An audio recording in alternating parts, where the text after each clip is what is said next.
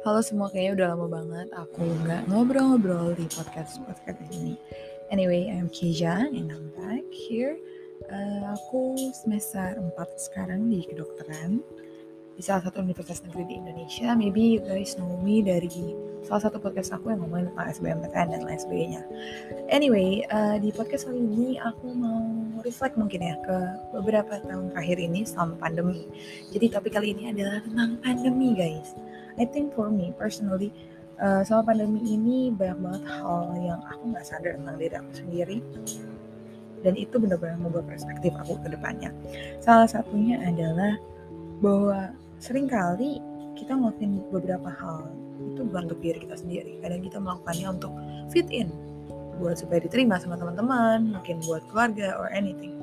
Anyway, I feel like dengan mungkin bisa dibilang lebih sendiri kali ya gak ngabisin waktu banyak dengan banyak orang dan apa aku jadi banyak reflect gitu ah so some things we did bukan buat kita bukan buat kesenangan kita lebih karena kayak we want to be accepted. Kayak kita pengen banget diterima. Kita jadi kayak oh we say we like a certain thing padahal enggak gitu ya. Maybe ini adalah hal yang mungkin kalian semua udah realize gitu dari lama. Sedangkan aku baru baru baru sekarang baru baru baru sadar. Kadang tuh ya even little thing slightest thing I tend to do buat supaya oh people see me and think kita sama mungkin atau apa gitu.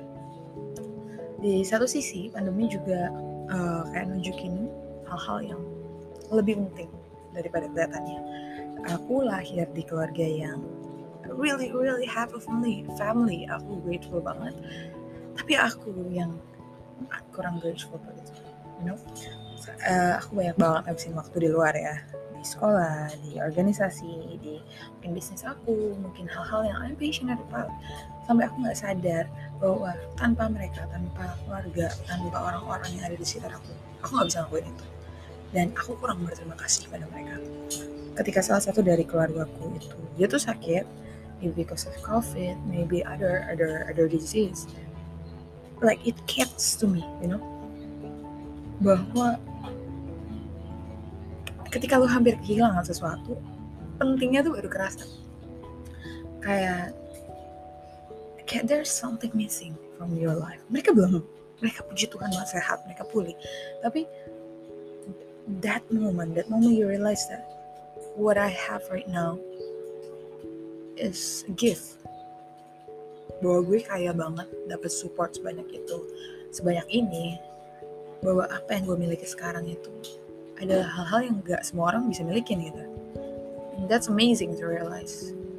That's the second thing I, I realized this year. And the third is whatever it is right now, it will pass. This is too shall pass. Sering banget kali kita dengar kayak ini bakal berlalu, ini bakal berlalu. Dan ketika kejadian yang gak enak itu terjadi, you feel like, no, this is hell right now is hell nggak mungkin ada jalan keluar nggak mungkin selesai tapi dua tahun terakhir ini ngajarin banget bahwa hal terburuk sekalipun hal yang gak enak sekalipun akan berlalu dan gak cuma berlalu. Kalau kita mau berpandangan kita kita akan menjadi orang yang lebih kuat ke depannya. Karena semua pengalaman yang kita punya semua pengalaman yang kita miliki kita rasain sekarang itu yang menjadi bagian dari diri kita. Itu yang jadi bagian dari hidup kita, pola pikir kita yang pasti mempengaruhi keputusan kita ke depannya. That's why pandemi ini merupakan salah satu hadiah yang paling berarti di hidup. 20 years Keisha is thankful that all of this happened. Bukan berarti aku bersyukur banyak orang yang pergi atau banyak resesi atau apa. No, no, no. I'm thankful that I got to learn that life goes on and life will be better moving forward. Banyak yang kita kehilangan ya akhir-akhir ini banyak di tahun ini kita banyak kehilangan. Tapi kita juga banyak gain. Kita banyak sadar betapa diberkatinya kita.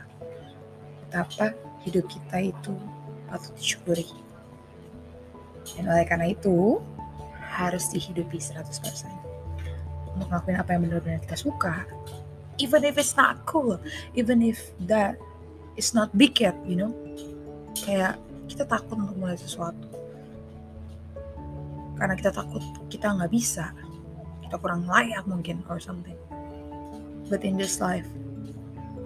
You got a lot of changes. Banyak perubahan terjadi tapi kesempatan juga datang. So say yes more and make next year the year for you